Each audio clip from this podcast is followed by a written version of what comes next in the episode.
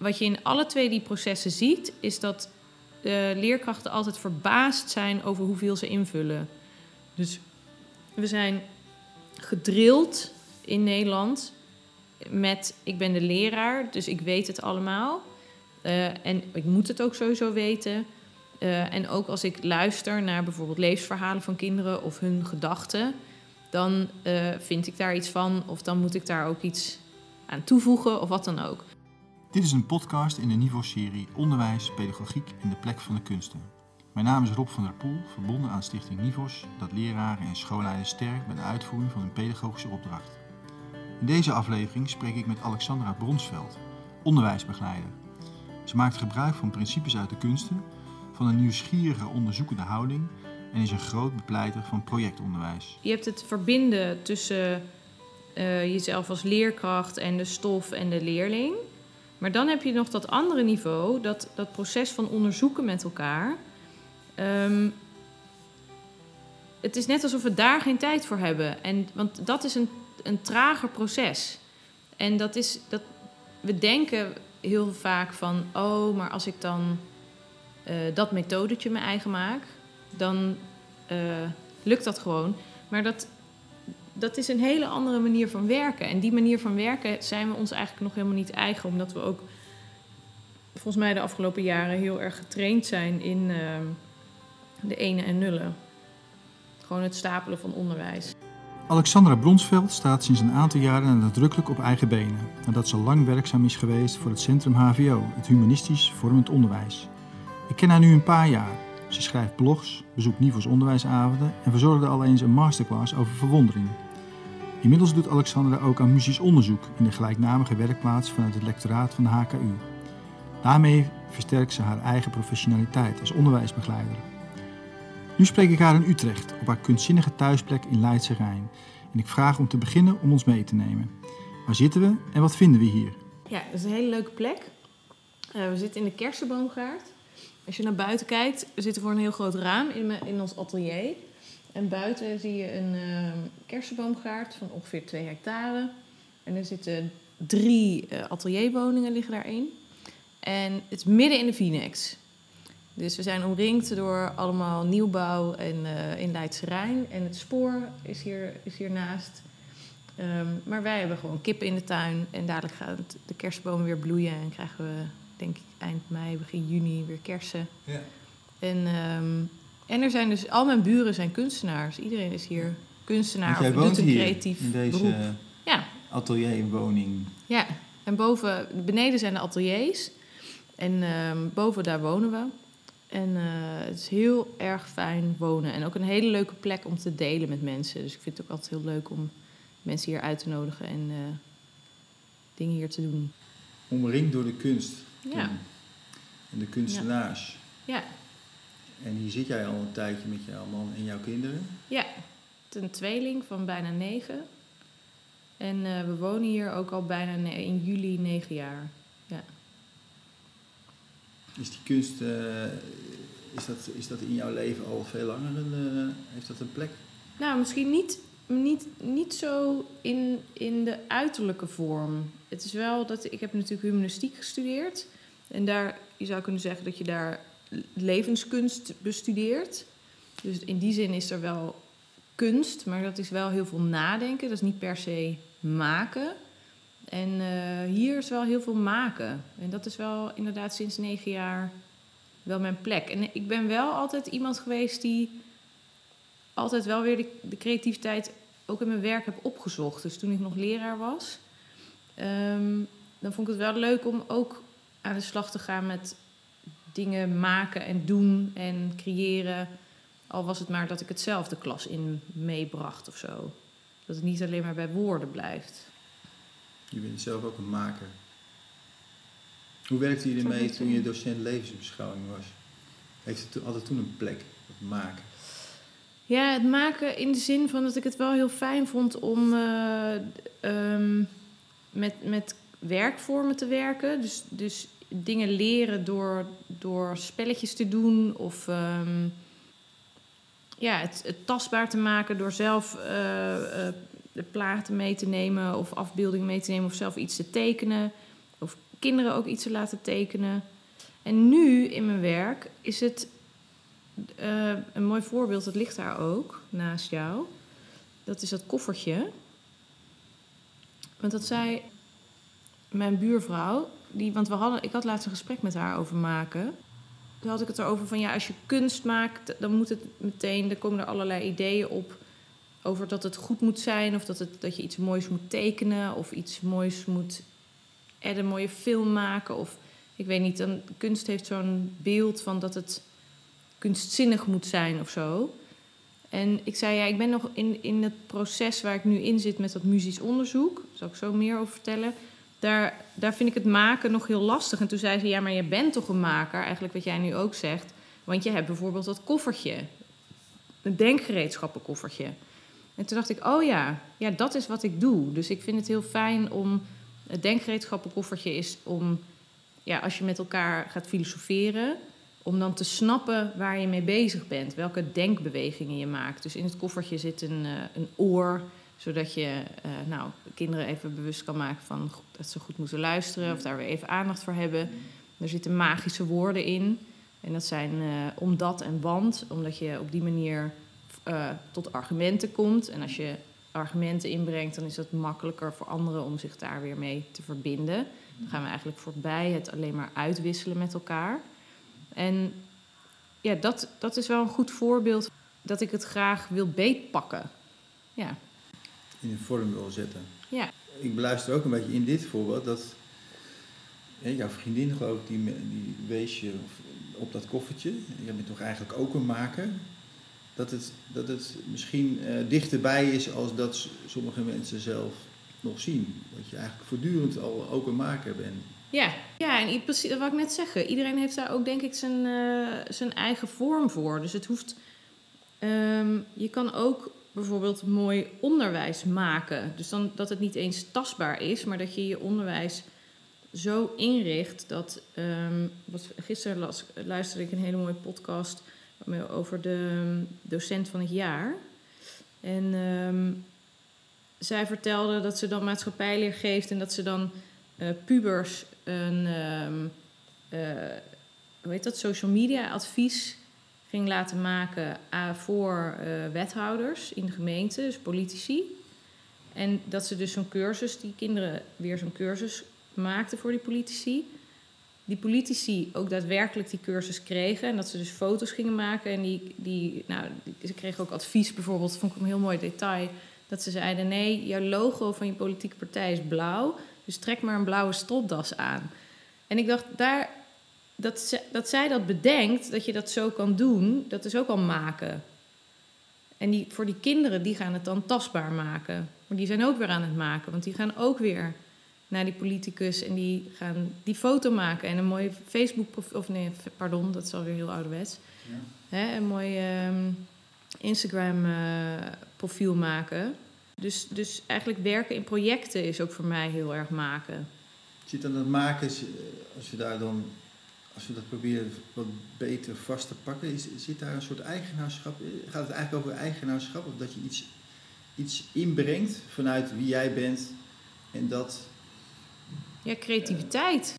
ook in dat muzisch onderzoek waar ik mee bezig ben, daar, daar, een hele belangrijke rode draad daarin is dat het dat je dingen mag verbinden. Dus dat het niet ene en nullen zijn. Dat klinkt misschien wat abstract, maar in onderwijs is het heel vaak zo dat je.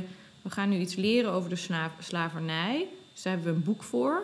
Dan ga je die kennis tot je nemen. En dan maak je een toets. En dan heb je kennis over de slavernij. dat vind ik een soort van ene en nullen. Ja. Gewoon, het zijn echt rechte lijnen. En dat stapel, het is ook gestapelde kennis of zo. Maar waar zitten verbindingen? Waar waar zit de betekenis? Waar en, zit de persoon? En waar zit de persoon, zowel van de leerkracht als van de leerling? Ja.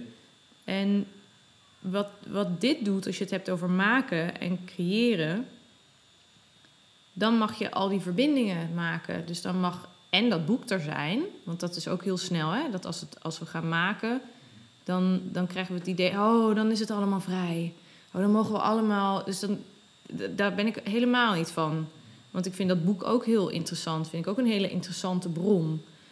Um, dus dan heb je en de persoon van de leerkracht en het boek en de kinderen. Nou, dan heb je al drie verbindingen. En dan kan je ook weer de verbinding maken naar de buitenwereld. En, en met wat je daar eigenlijk aan het doen bent.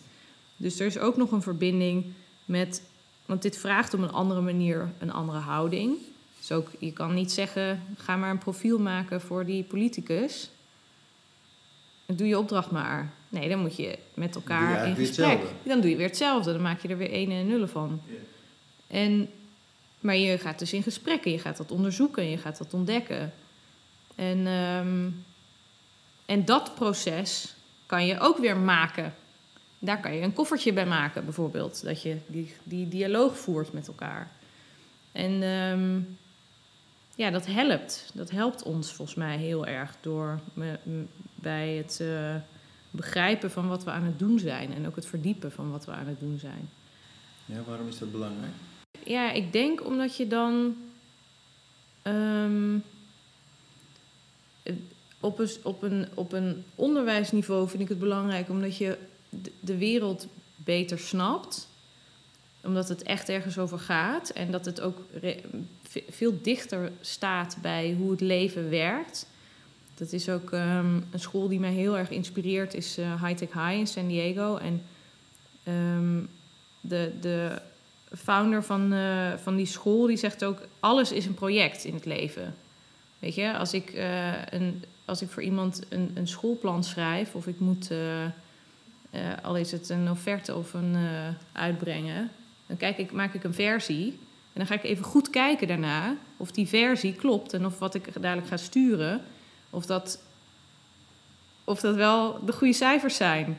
Of als ik dat schoolplan schrijf, dan ga ik toch echt ook iemand even nog overheen laten lezen. Of dat die zinsopbouw klopt en of het logisch is wat er staat en of er geen spelfouten in zitten. Dus dat, dat werken in projecten en werken in versies, en daar, dat, dat heeft dat maken ook.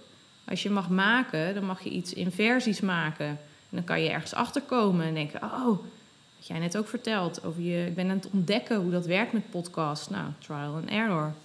En dan dus dat, dat zit veel dichter bij het echte leven. Ja, en ik hoor duidelijk dat je verbinding maakt. En je maakt verbinding met alles. Met die ander die er even naar kijkt. Ja.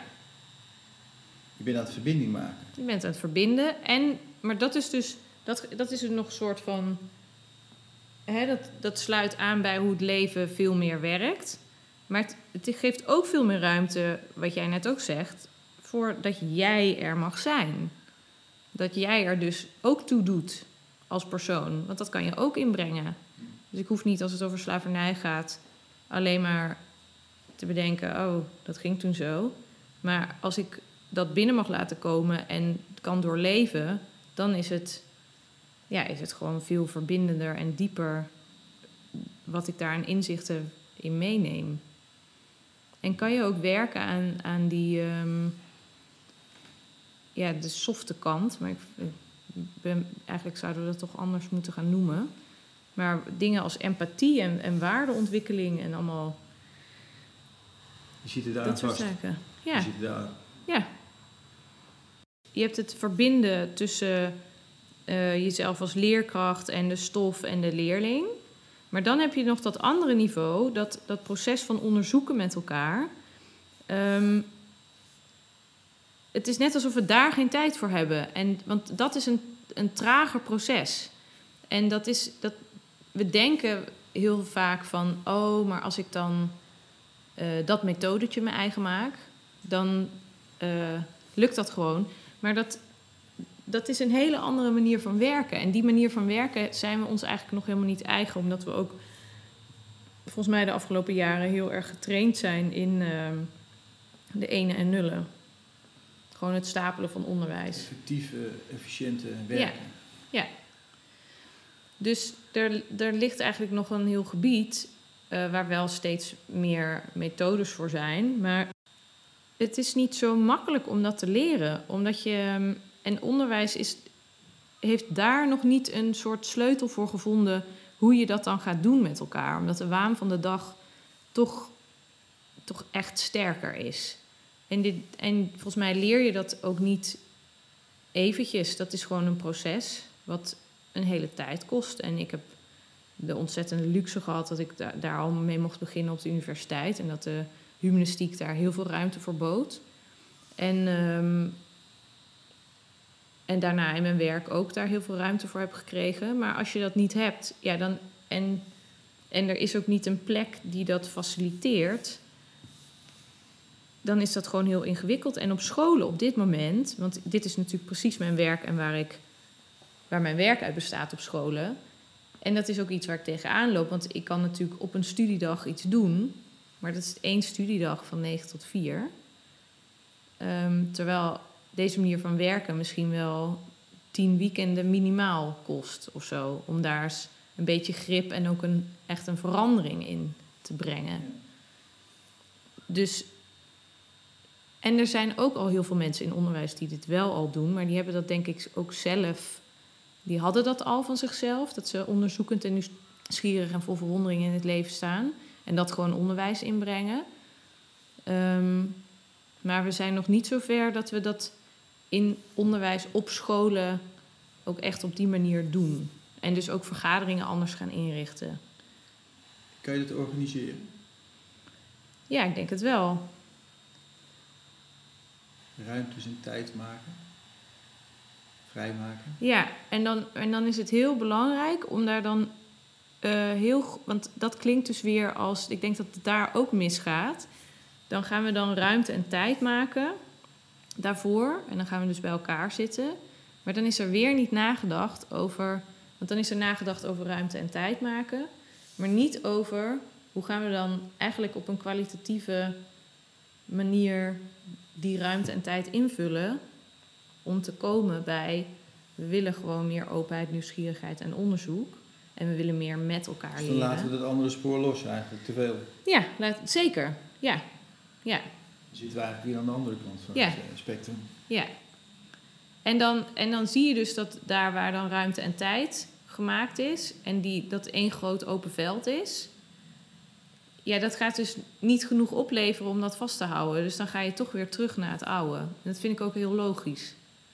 Ja. Het gaat vanzelf. Dat gaat, want het is niet... Ja, het is, het is nogal een kunst om dat goed te leiden. En dat kennen, ik bedoel, ik ken jou eh, vanuit eerdere gesprekken en, en, en activiteiten. En ik ken mezelf in zoverre dat ik, dat ik dat heel sterk kan voelen. Dat je op een gegeven moment weer, ik hoor het jou ook wel zeggen, en nu gaan we wat, en Nu gaan we wat doen. Nu moeten we weer wat doen. Hè? Dat, Ja. dat de onrust als vanzelf Precies.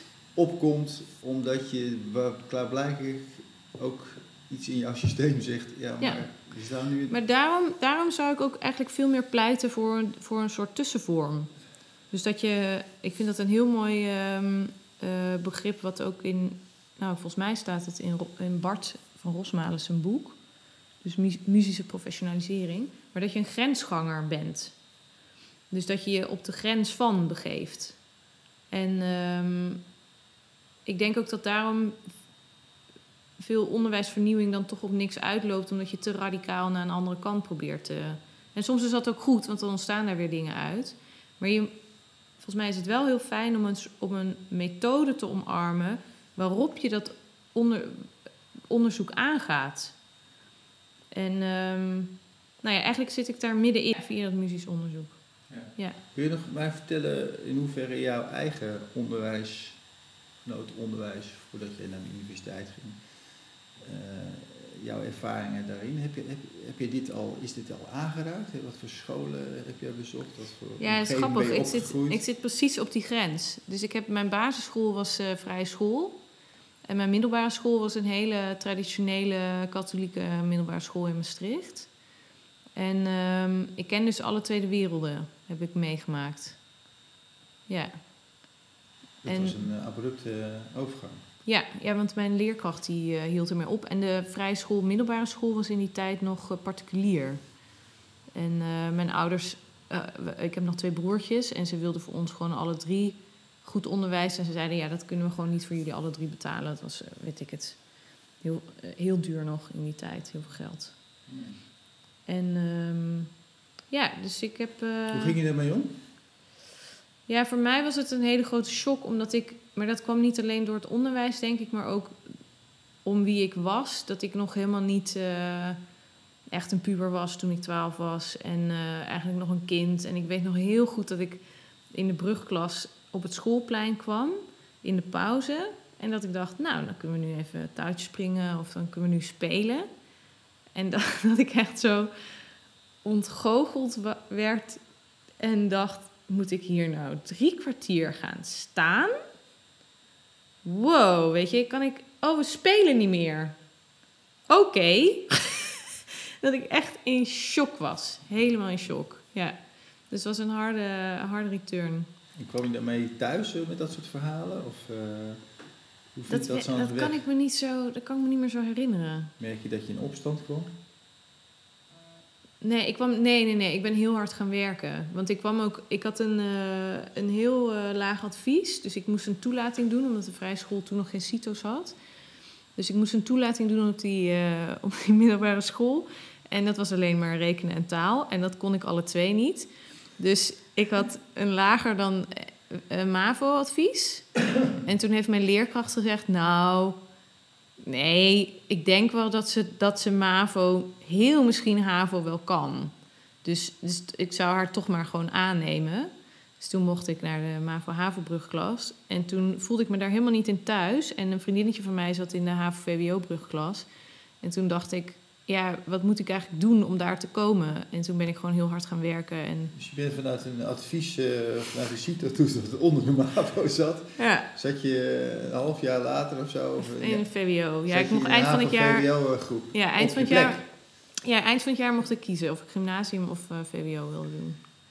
Omdat Ja. je hard aan het werk ging ook. Omdat ik heel hard werkte, ja. En dat, ja, ik weet niet, ik ben daar toch ook nog steeds altijd wel heel blij mee dat ik dat kan. Ook heel fijn.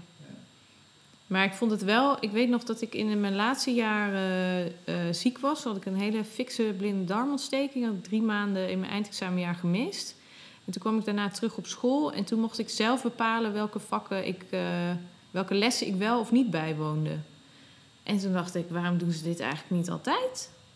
Want ik kan toch eigenlijk prima zelf inschatten of ik wel of niet die Engelse les en wat ik thuis kan doen. En het is veel efficiënter en veel fijner voor mij ook. Dus het heeft, het heeft me wel, ja, die ervaring heeft me wel heel erg na laten denken over, over onderwijs. Ja, En toen ben je vrij direct naar de Universiteit van Humanistiek. ja, en met nog een tussenjaar. Intussen, ja. Ja. En waar kwam die keuze?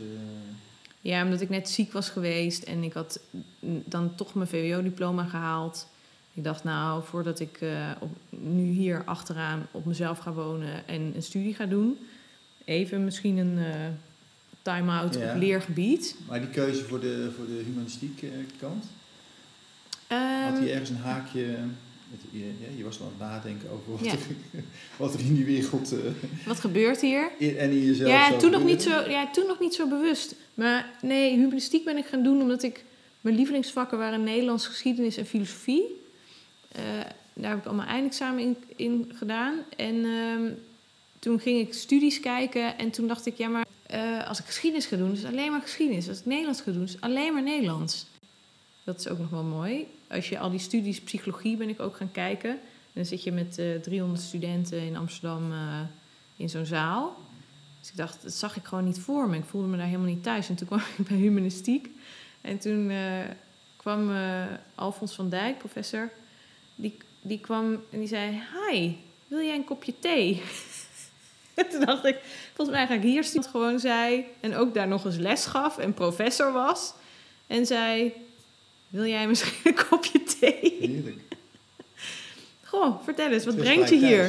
thuis. Dus ik was meteen thuis, ja, echt. Zo is dat ook, ja. Ja, ja een, hele fijne, een hele fijne plek. Humanistiek is ook wel heel erg, eh, gaat over waarden en hè, hoe leef je, ik zei eerder al, levenskunst. Hoe, hoe zorg je voor een zinvol leven? Ehm, hoe doen we dat eigenlijk op een beetje menswaardige manier met elkaar? En ehm,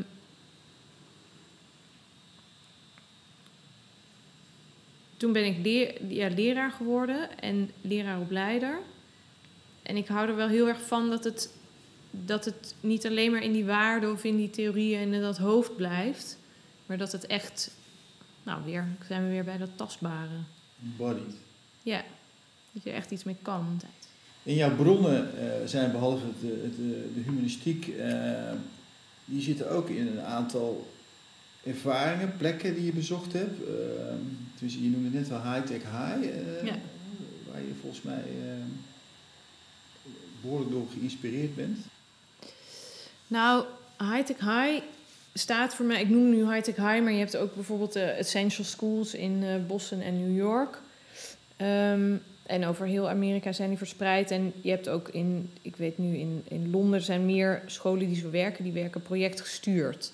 En dat is eigenlijk een methodiek of een stroming uit de jaren 70 van vorig jaar, uh, vorige eeuw. en um, wat me daar heel erg aanspreekt, is dat je dus lesgeeft in grotere gehe gehelen. Dus je werkt vanuit essentiële vragen, betekenisvolle vragen. Dus uh, hoe, hoe meten we eigenlijk geluk in deze, in deze klas bijvoorbeeld? Vind ik een heel mooi voorbeeld. En daar, daarin gaat het dus over ja, persoonsvorming, maar ook over ja, hoe meet ik dat? Weet je, dus het gaat ook gewoon over wiskunde of rekenen. Uh, dus dat, dat, daar zijn zij meesters in, of die methodiek is daar heel meesterlijk in. En wat Hightech High nog eigenlijk doorontwikkeld heeft, is dat ze al het onderwijs eindigt altijd in iets wat je maakt. En op andere scholen waar ik dat gezien heb, daar is het misschien wat meer in taal, dat je dingen in taal maakt. Maar zij we verwerken, verweven ook de kunst en de techniek erin. Dus je leert ook dat je een proces wat je doormaakt, dat je dat in een kunstvorm kan, je expressie daarin kwijt kunt. En noem je expliciet een kunstvorm? Ja, want ze, ze werken. Een vorm of een kunst, wat is dan, waar zit het verschil? Nou, ik weet, ja. Kan je ook een vorm. Ze maken ook bijvoorbeeld, ja, ze, ze hebben ook bijvoorbeeld trappen met elkaar gebouwd. Die, die mochten ook gewoon heel functioneel zijn. Dus die hoefden niet artistiek of esthetisch mooi te zijn. Maar zij zijn er wel, alle kinderen, ieder jaar worden wel uitgenodigd om zich in de fotografie of de dans of het toneel of uh, in beeld um, of in woord, maar dan op een kunstzinnige manier in woord, om zich daarin uit te drukken.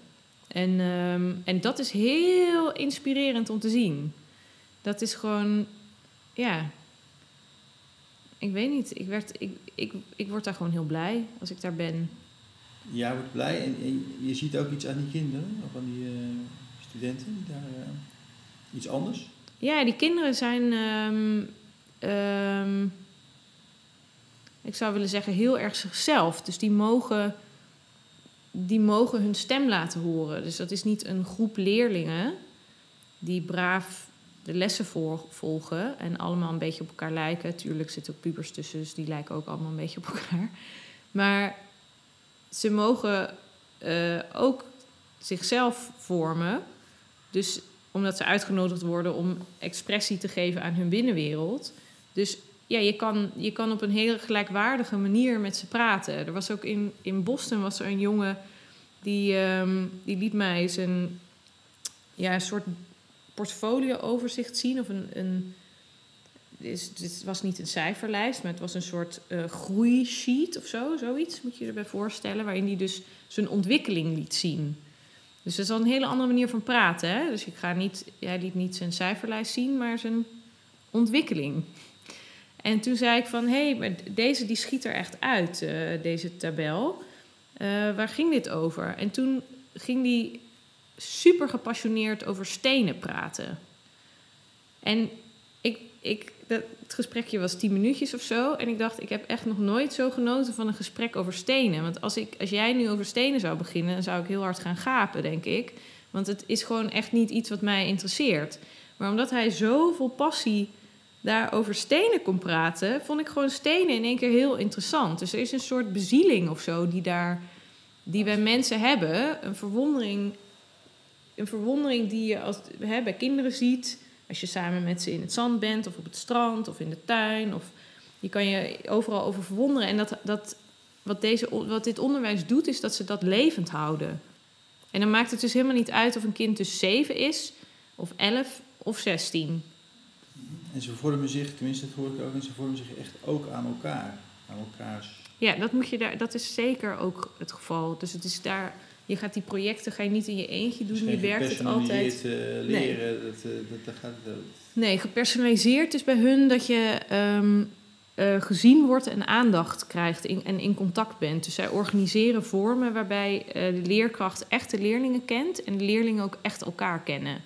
Dus de persoon staat centraal en niet je geïndividualiseerde leerweg. En nou zie ik op jouw website eh, eh, ook twee citaten van John uh, Dewey. Ja. Die spreekt van leren is niet een voorbereiding op het leven, maar het leven zelf. Ja. als, je, als je dat, ik hoor het natuurlijk al in wat je nu vertelt. En tegelijkertijd ehm, het leven, ik zit toch een beetje te zoeken naar de wereld. Hè? Waar, waar krijgt de wereld een plek? Uh, nou, wat zij doen is dat die projecten altijd in verbinding staan met de omgeving. Dus je gaat iets maken. Um, en we hadden het net over die expressie. Dus je, de, je, ze, geven, ze bieden ook vormen waarbij die eigen binnenwereld uh, een aan hè, in de wereld zet. Door zo'n kunstvorm. Maar um, die, die grote vragen, dan is daar. Nou, is dat misschien niet zo'n goed voorbeeld van, die, uh, van het geluk. Dat gaat echt over de klas. Uh, maar ze hebben ook gewoon, ja, ze hebben ook heel veel vragen over in, in um, elementary school was dat volgens mij van uh, hoe kunnen we zorgen dat die um, speelplek echt een plek van ons wordt en dat het ook uitnodigend is voor de buurt bijvoorbeeld. Dus ze beginnen eigenlijk al heel jong, zelfs al in de kleuterklas zag je daar voorbeelden van, of groep drie was dat dat ze ehm, de magie van speelgoed, dat is ook een mooi voorbeeld wat je terug kan vinden op internet, dat, dat ze dus uh, speelgoed gaan maken voor het kinderdagverblijf, wat naast de school zit. Dus die wereld begint eerst heel klein en naarmate je door de jaren heen gaat, dan worden die vragen veel groter. En wat daar op het moment heel erg speelde, was natuurlijk um, de grens en de muur van Trump die eraan zat te komen. Dus dan, ja, die vragen zijn altijd in verbinding met uh, de buurt en de wereld om je heen. En afhankelijk van je, het ontwikkelingsniveau is dat kleiner of groter. Ja. Nou ben jij in, aan het werk ook met scholen. Uh, ik denk voornamelijk PO. Ja, en één VO-school. Eén VO-school.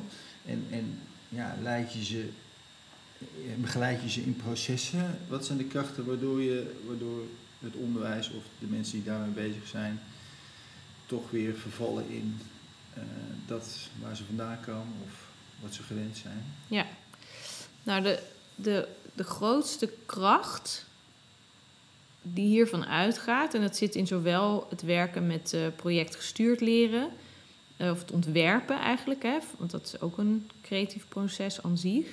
Of wel, want dat is dan een andere poot waarin ik zit, als mensen, als scholen al meer projectgestuurd werken, dan um, help ik bij het uh, verdiepen van het denken met elkaar en het onderzoeken met elkaar. En wat je in alle twee die processen ziet, is dat de leerkrachten altijd verbaasd zijn over hoeveel ze invullen. Dus we zijn gedrild in Nederland met ik ben de leraar, dus ik weet het allemaal. Uh, en ik moet het ook sowieso weten. Uh, en ook als ik luister naar bijvoorbeeld levensverhalen van kinderen of hun gedachten, dan uh, vind ik daar iets van of dan moet ik daar ook iets aan toevoegen of wat dan ook. Dus bijvoorbeeld als we het klein houden bij zo'n denkkring uh, of een filosofisch gesprek met kinderen, ja, daar mag je absoluut niet inhoudelijk mee bemoeien. Dus je bent alleen de boekhouder van het gesprek en je moet gewoon verder. Doen jouw gedachten daar eigenlijk niet toe. Want je bent met andere dingen bezig. Je wil namelijk dat proces van dat denken in die klas neerzetten. En daar, daar zijn leerkrachten wel ook af en toe een beetje in shock. Van, oh, ik doe het weer. En dan, oh, ik zit alleen maar uh, te begrijpen. Dus dat je alles zit te begrijpen, bijvoorbeeld, van wat kinderen zeggen. Nou, dat hoeft niet. Je hoeft het niet allemaal te begrijpen. Je kan gewoon luisteren en dan een vervolgvraag stellen en weer verbinden met elkaar. Aan wat voor behoefte wordt er dan uh, voldaan, zeg maar? Die leerlingen of die leraren die, die doen dit vanuit een bepaalde behoefte. Ja.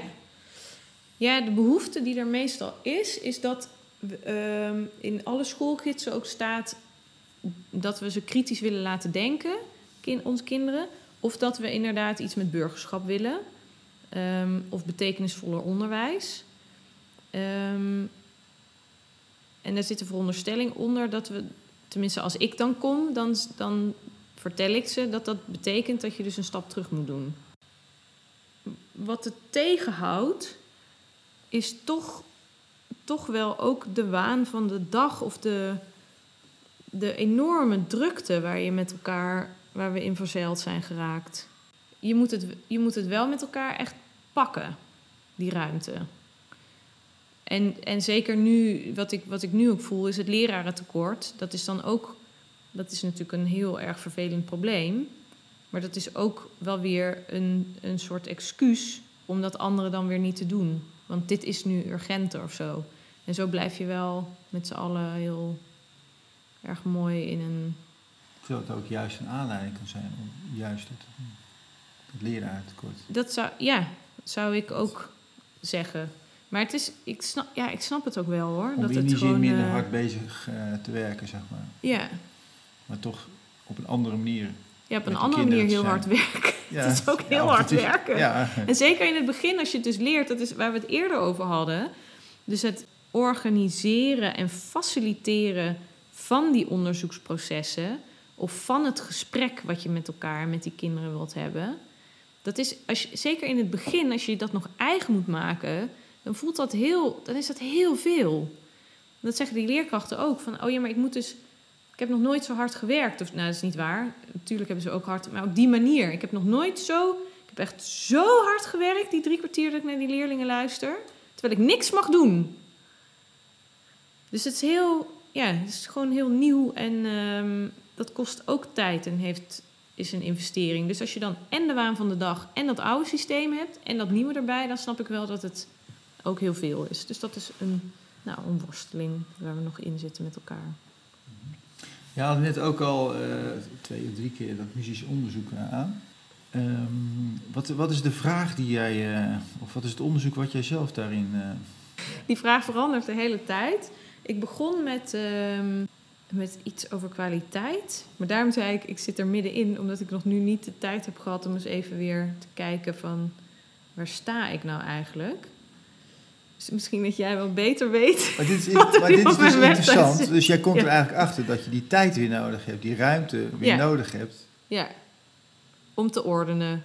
Ja, om te ordenen, zeg je. ja, Om helderheid te- weer te krijgen. ja. en te kijken waar ik nu, eh, waar ik nu sta. Of wat er nou eigenlijk gebeurt. Ja.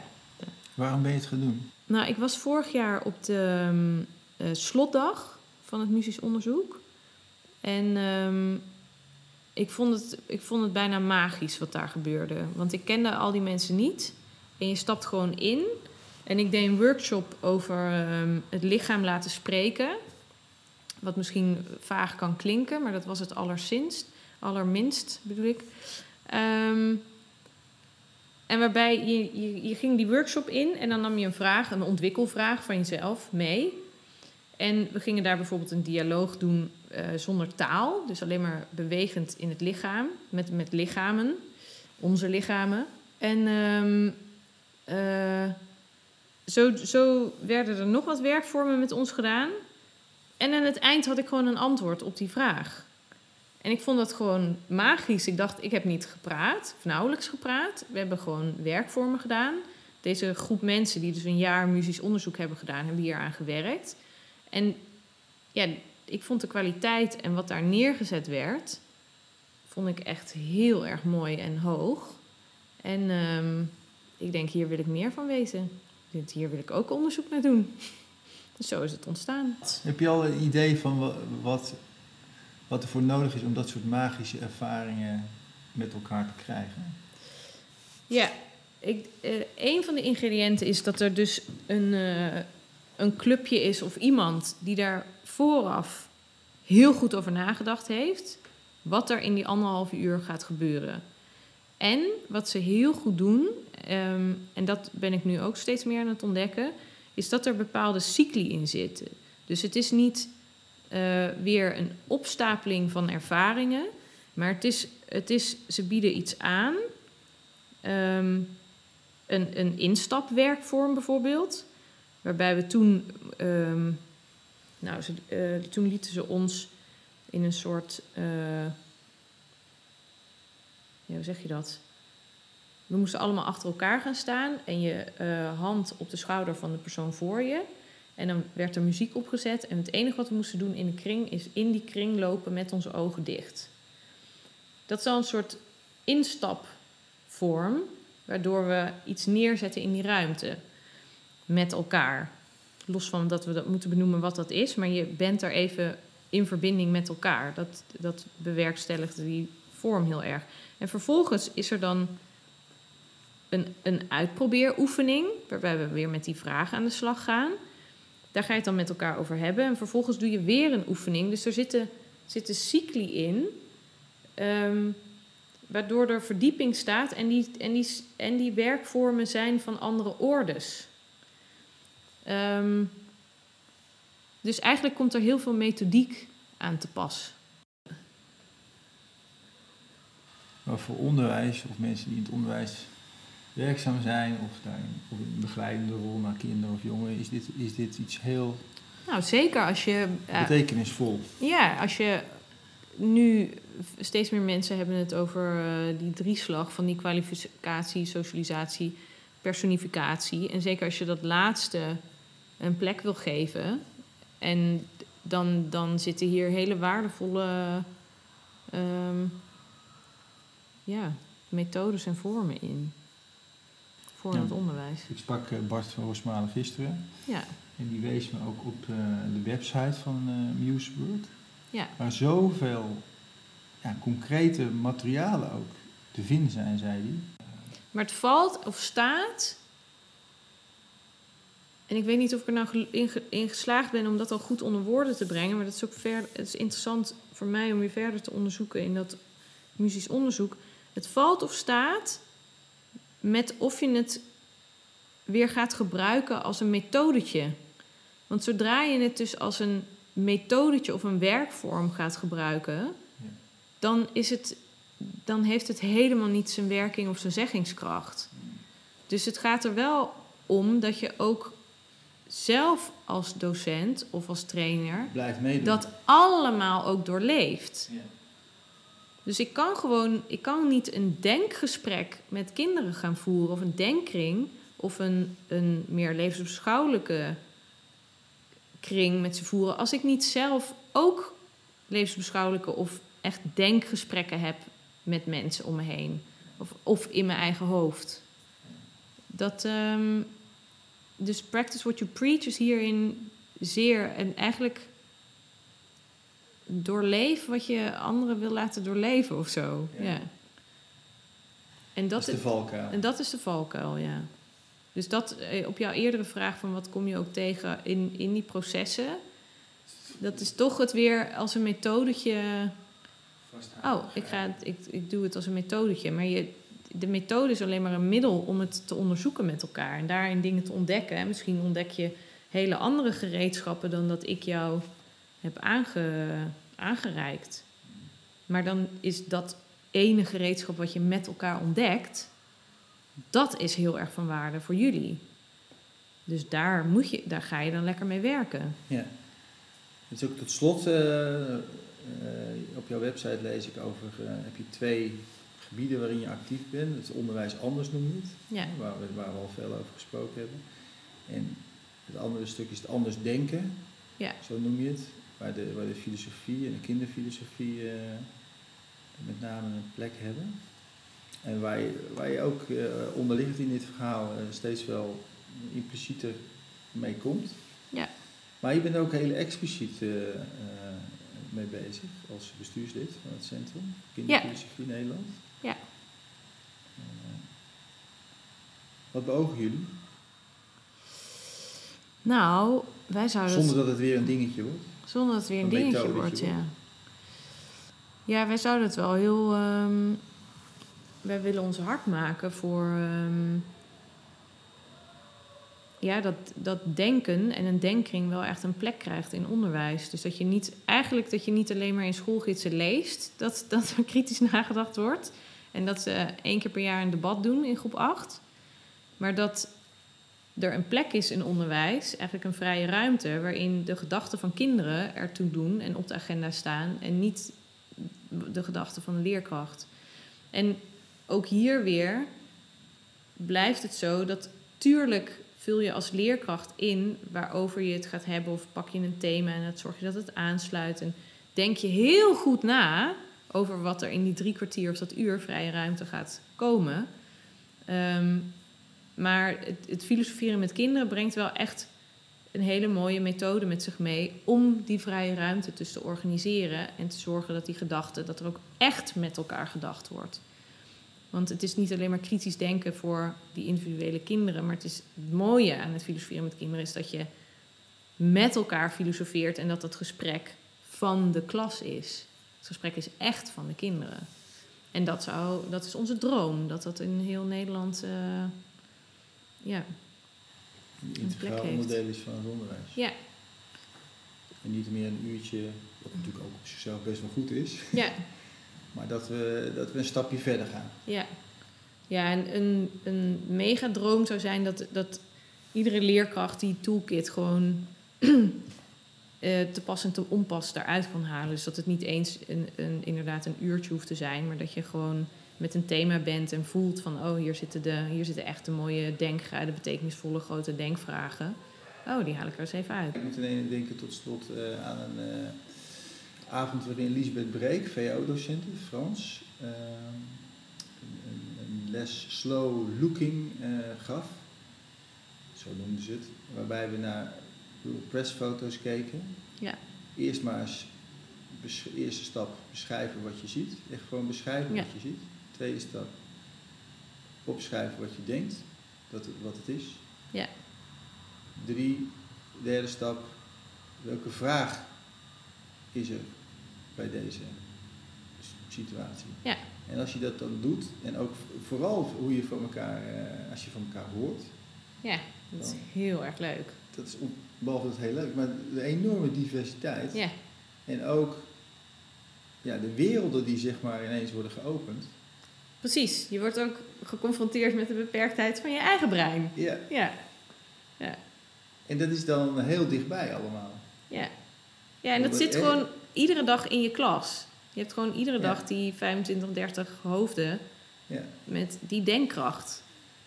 Maar dus dan, is, hè, dan is het dus niet onder filosoferen uh, met kinderen wordt het geschaard, maar het is het natuurlijk ook weer wel. Ja, ja, het, zou, ja het zou ook heel mooi zijn om dat uh, in verbinding met uh, dit soort partijen te doen. Ja.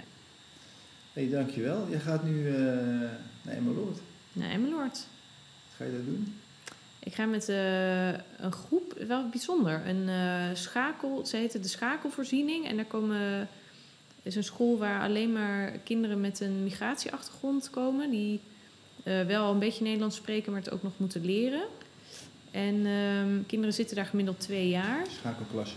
Schakelklasse, ja. En um, deze school, ik ben daar identiteitsbegeleider voor deze stichting, voor AVES. En waar, vanmiddag gaan we het hebben over hoe doe je dat eigenlijk, identiteit? Welke plek heeft dat? Daar hebben ze al over nagedacht. Wat ze wat hun visie daarop is en hoe, hoe ze dat graag zouden willen doen. En wat ze nu uiteindelijk gaan doen, daar gaan we het vanmiddag over hebben. Hé, hey, dankjewel voor de, uh, Nou, jij ook uh, bedankt Rob. Ik heb heel hard uh, moeten nadenken. Dit was een aflevering in de serie Onderwijs, Pedagogiek en de plek van de kunsten. Deze serie werpt een licht op hoe deze drie domeinen tezamen elkaar verrijken en van waarde kunnen zijn voor jou als leraar, voor de vorming van jouw leerlingen en voor een toekomstige wereld of samenleving. Het onderwijs in de praktijk wordt betekenisvoller, maakt ruimte voor eigenheid en verbinding, ook als je een docent wiskunde bent of een leerling die competenties moet ontwikkelen. Meer afleveringen uit deze serie en andere podcasts vind je terug op onze eigen Nivos podcastkanaal. Stichting Nivos sterkt leraren en schoolleiders in de uitvoering van hun pedagogische opdracht.